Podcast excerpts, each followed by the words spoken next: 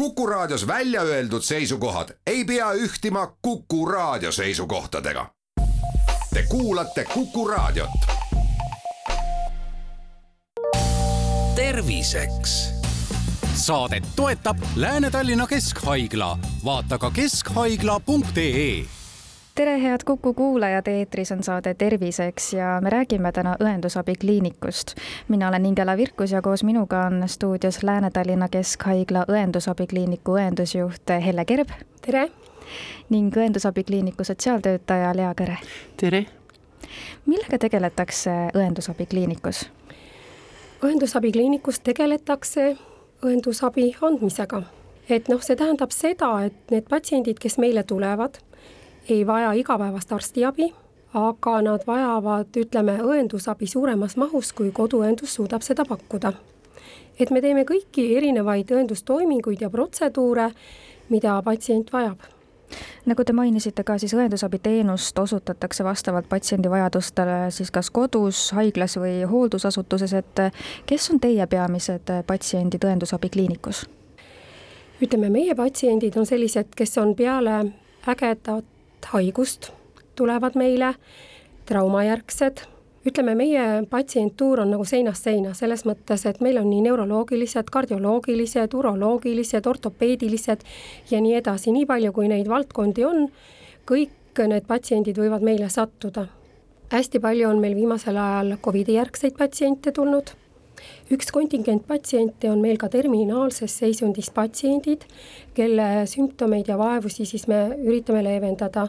et kui on valu, siis seda valu vähendada, viia miinimumini. kui on iiveldus, et vähendada seda, et ühesõnaga, et inimese enesetunne oleks nagu parem noh, õendusabi võib-olla eripära on veel see, et meil ei ole sel-, kui sellist raviarsti, et meil on arst-konsultant et tema vaatab patsiendid üle korra nädalas, siis need ta peab dokumenteerima. aga kui patsiendi seisund halveneb või on mingisugused probleemid tekkinud või küsimused, et noh, siis õde saab teda kutsuda et selles mõttes ta ei vaja nagu ütleme, arstiabi pidevalt, et arst tuleb iga päev, vaatab, eks ole, üle, et noh, kuidas täna seisund on.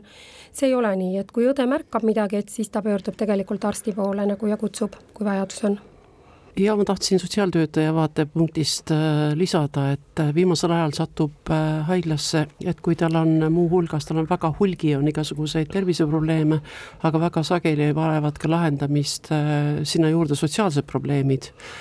Et inimestel on väga raske muutunud olukorras esmalt oma otsuseid teha ja, ja lähedaste nõustamine ja see on, on päris ulatuslik ja nende otsuste tegemine, läbiarutamine, kuidas siis ja kuidas edasi millised need otsused olema peavad või mida siis täpsemalt arutatakse? et see sõltub nüüd ka, et äh, kuidas tema tervislik seisund seal õendusabikliinikus muutub et kui äh, noh, ta taastub sedavõrd, et ta saabki oma kodus jätkata, et siis ei ole no nagu see mure nii suur. aga tihtilugu tekibki küsimus selles, et äh, lähedased on tihtilugu ka hooldanud päris pikalt juba eelnevalt oma äh, eakat lähedast ja tema seisund on veelgi halvenenud, ta tajub, et ta enam puhtfüüsiliselt üksinda sellega toime ei tule, patsientuur on eakas, kaheksakümmend viis pluss ja sageli nende kaasad on äh, sama eakad. Et saavad neid küll emotsionaalselt ja niimoodi toetada, anda midagi ulatada, aga sellised füüsilisemad, kui on vaja kedagi pöörata või, või vanni tõsta või asju, selliseid lihtsalt teha ei saa ja, ja siis jah, see edasimõtlemine ja arutamine, et äh, tihtilugu see on väga suur osa meie tööst. et tal oleks lihtsam nagu otsustada, et jah, et ega see hooldekodusse minemine ei ole ka väga lihtne otsus kellegi jaoks milliste erialade spetsialistidest koosneb kogu see meeskond, kes siis äh, õendusabikliinikus ühe patsiendiga tegelevad ja tema lähedastega? õed, hooldustöötajad, füsioterapeut, tegevusterapeut, sotsiaaltöötaja, hingehoidja valuraviõde, arst. ehk et väga suur meeskond, et kui palju meil neid inimesi võib olla, kes täna õendusabi vajavad? ma ei oska seda nüüd täpselt öelda, kui palju neid inimesi on, aga kuna meie elanikkond vananeb, siis kindlasti õendusabi vajadus tõuseb on see abi meil äh, nende jaoks kättesaadav äh, piisavas koguses või, või on äh, selles mõttes, et kas sellest meeskonnast jagub kõigile, kes seda abi ja hoolt vajavad? Et ma ütleks niimoodi, et kuna see patsientuur on õendusabis läinud nagu raskemaks, keerulisemaks, siis tegelikult me vajaksime rohkem juurde nii õdesid kui hooldustöötajaid, et Lial samamoodi on töökoormus on tõusnud, me vajaksime juurde sotsiaaltöötajaid, füsioterapeute, et meil noh, hingehoidja praegu käib küll väga väikse koormusega, tegelikult oleks meile ka hingehoidjat juurde vaja. Kui lihtne või keeruline on õendusabikliinikusse saada näiteks sotsiaaltöötajaid juurde või üldse personali?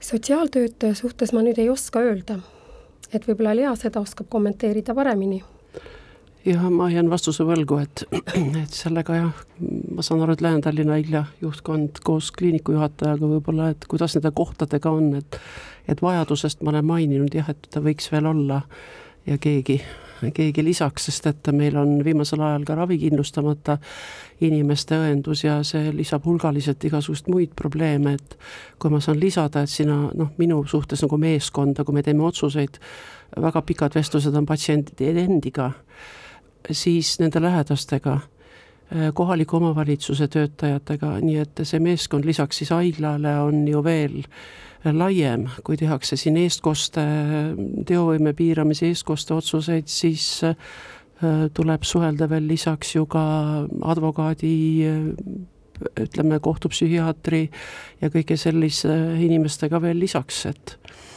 et äh, see on jah, tõesti meeskonna otsus, et seda ei saa üks keegi, teovõime piiramine on selline küsimus, et see ei ole ka lähedastele kerge, sellised otsuste tegemine. et ütleme, hooldajaid tegelikult me leiame küll, kui meil on vaja mm, -hmm. aga suures osas on need võib-olla ka ilma hariduseta, see tähendab seda, et me peame neid ise hakkama koha peal koolitama. teine kontingent, kes tegelikult tahaksid nagu tulla hooldajana tööle, on Tallinna Tervishoiu Kõrgkooli üliõpi-, õeüliõpilased, et nemad tulevad meile tööle, et hooldajatega leidmisega selles mõttes tänapäeval meil ei ole probleemi olnud. aga õdedega meil on väga suured probleemid, sellepärast neid lihtsalt ei ole me jätkame oma vestlust juba homme kell neliteist nelikümmend viis. terviseks saadet toetab Lääne-Tallinna Keskhaigla, vaata ka keskhaigla.ee